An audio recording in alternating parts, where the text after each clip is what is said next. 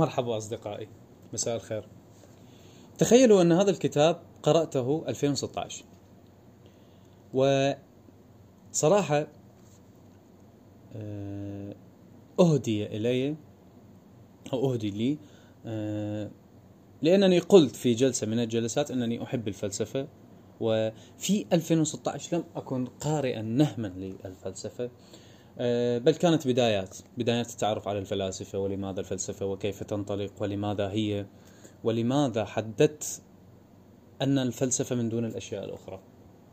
طبعا كتاب جورج بولتيزر عندما قرأته آه، في تلك الأشهر وتلك الأيام الصراحة لم أفهمه بالشكل الكامل بل كان علي أن أعيد قراءتي وأحتفظ بهذا الكتاب حتى قرأته في عام 2020 وهو لجورج بولتيزر آه، مبادئ أولية في الفلسفة. وهذا الكتاب آه، يمثل لحظة فيلسوف آه، مناضل ضد النازية وهي مجموعة دروس ألقاها بالجامعة العمالية اللي هو أسسها في باريس. جورج بولتيزر بسيط ودقيق في نفس الوقت. وواضح وعميق.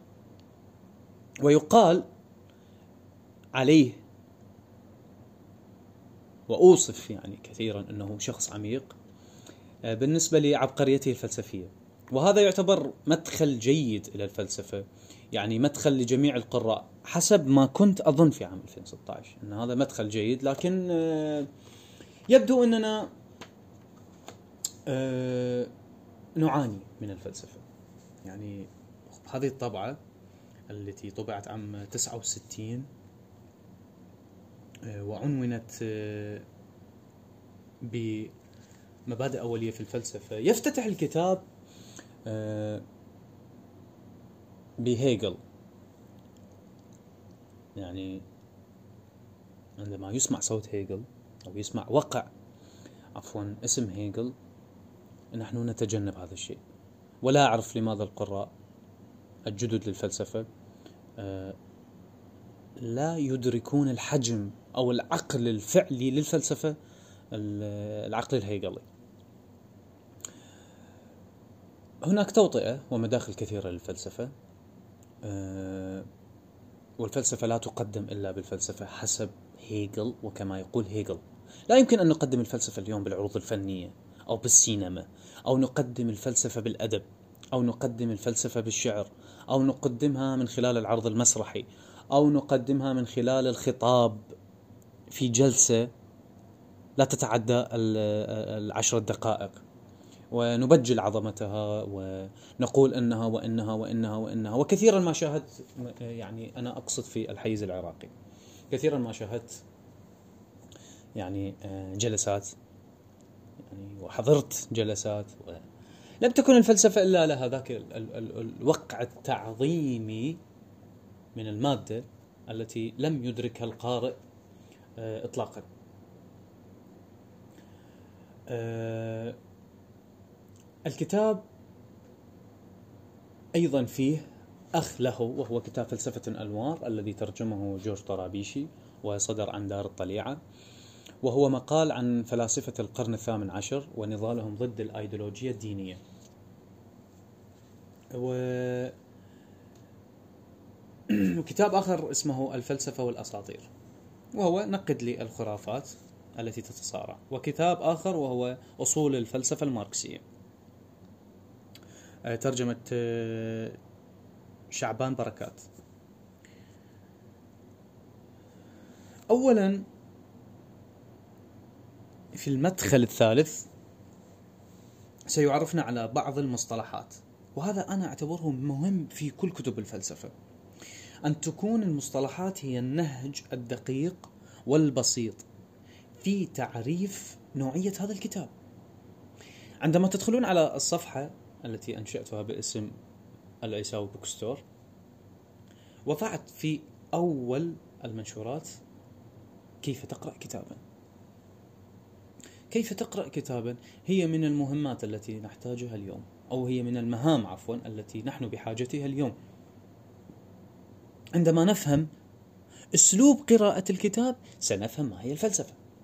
عندما نفهم كيف هناك خارطة يمكن أن نكتبها بأنفسنا وليس تلك التي يفرضها علينا المؤلف سنفهم الفلسفة سنفهم الأدب.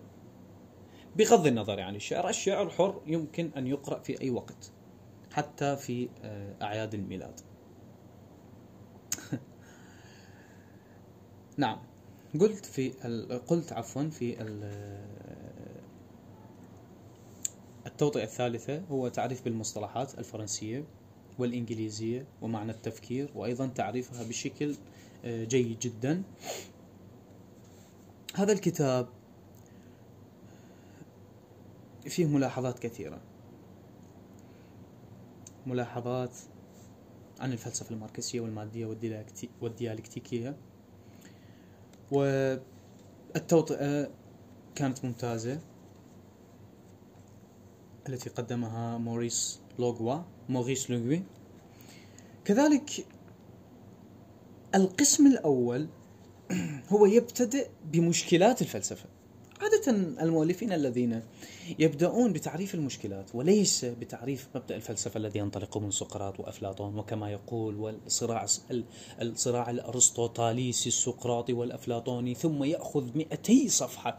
من أجل أن يشرح لماذا هناك فلسفة في عصر سقراط وكيف قلبت الطاولة على سقراط وجعلوه يعدم نفسه أو يعدم.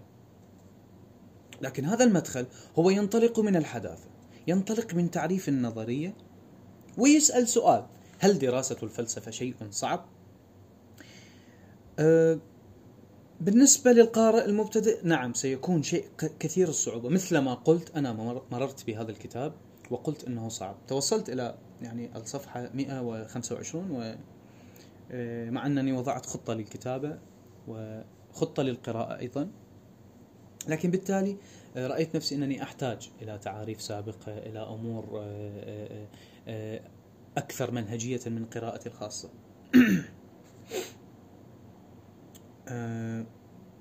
حسب بول تيزر أن هناك نوعان من الكتب في العالم باختصار الكتب التي تكتبها المدارس الأكاديمية والكتب التي تؤلفها الطبقات الرفيعة.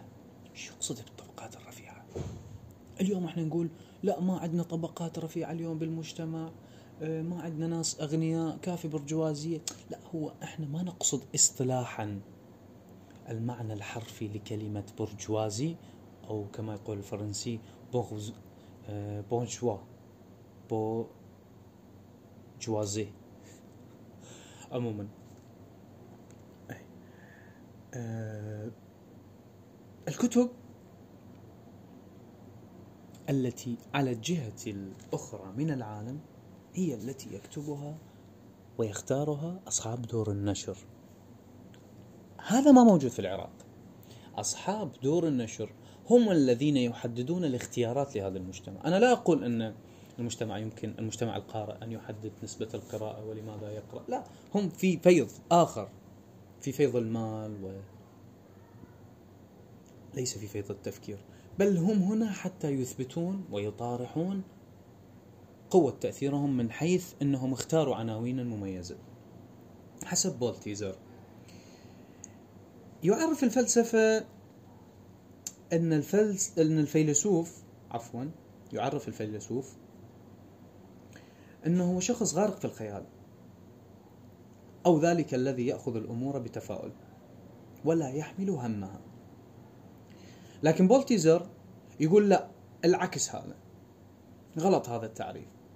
الفيلسوف هو اللي يحاول أن يجد أجوبة دقيقة للأسئلة التي تطرح أمامه. الفلسفة يمكن أن تعطي تفسير لمشاكل كثيرة. مثل أين مصيرنا؟ أين ينتهي العالم؟ ما هي الذات؟ ما هو مصير الكائن البشري؟ الفلسفة بحسب بولتيزر هي تريد شرح الكون والطبيعة وتدرس المشكلات في أكثر عموميتها لأن المشكلات الأكثر عمومية من يحلها؟ تحلها المؤسسات أو تدرسها العلوم الفلسفة بحسب بولتيزر هي امتداد للعلوم وترتكز عليها خصوصا الفلسفة الماركسية تقدم منهج شامل لحل المشكلات خصوصا المادية. زين شنو الفلسفة المادية؟ أكو خلط كبير كلش.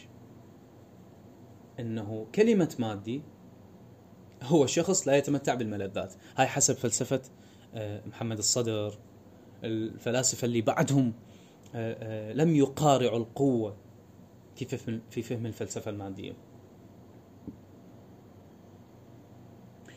عندما نسمع مادي معناه هو شخص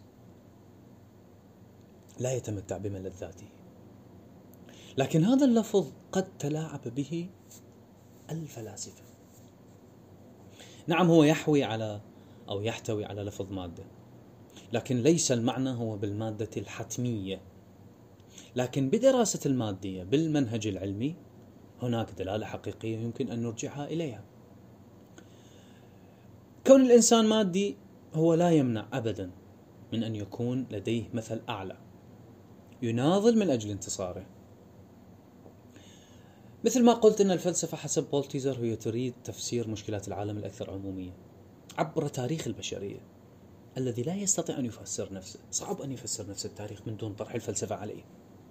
نحن يجب عندما نقرأ تاريخ ابن عربي أو نقرأ تاريخ واقعة الطف أو نقرأ تاريخ الحروب الصليبية أو نقرأ تاريخ الفتوحات المكية أو نقرأ تاريخ الغزو الأسباني يجب أن نضع الأسئلة، يجب أن لا نحتضن ما يطرحه المؤلف بشكل عام. يجب أن نسأل لماذا كان التاريخ هنا؟ ولماذا فلانا لم يعمد على فلان؟ ولماذا كان هكذا وتغير هكذا. و و و و والكثير من الأسئلة يمكن أن ينشئها القارئ المتميز. الفلاسفة الأولون حاولوا شرح الطبيعة والعالم لكن استصعبوا الأمر على أنفسهم.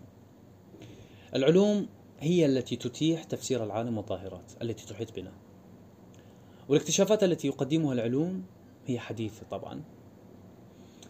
لكن بولتيزر يرى أن الناس الأولين كان هناك حاجز ما بينهم وبين تفسير الأشياء وهو الجهل. الجهل الذي وضعته الأديان في تفسير العالم. تفسير العالم من خلال القوة فوق الطبيعية حسب بولتيزر هي ليس لها شرح علمي. لذلك يجب أن تتقدم العلوم خطوة تسبق الدين دائما. فالكون لا يمكن أن يفسر من خلال المسيح ولا يمكن أن يحتضنه إبراهيم. ولا يمكن أن يفسره شخص آخر. الكتاب مهم ومدخل جيد لفهم الفلسفة المادية والماركسية والكتاب مكون عفوا من ستة أقسام. فيه دراسة عن الميتافيزيقية والديالكتيك والقانون الثالث للتناقض والثاني وفيه شرح للمادية التاريخية وهو أهم ما يمكن أن نقرأه في الفلسفة.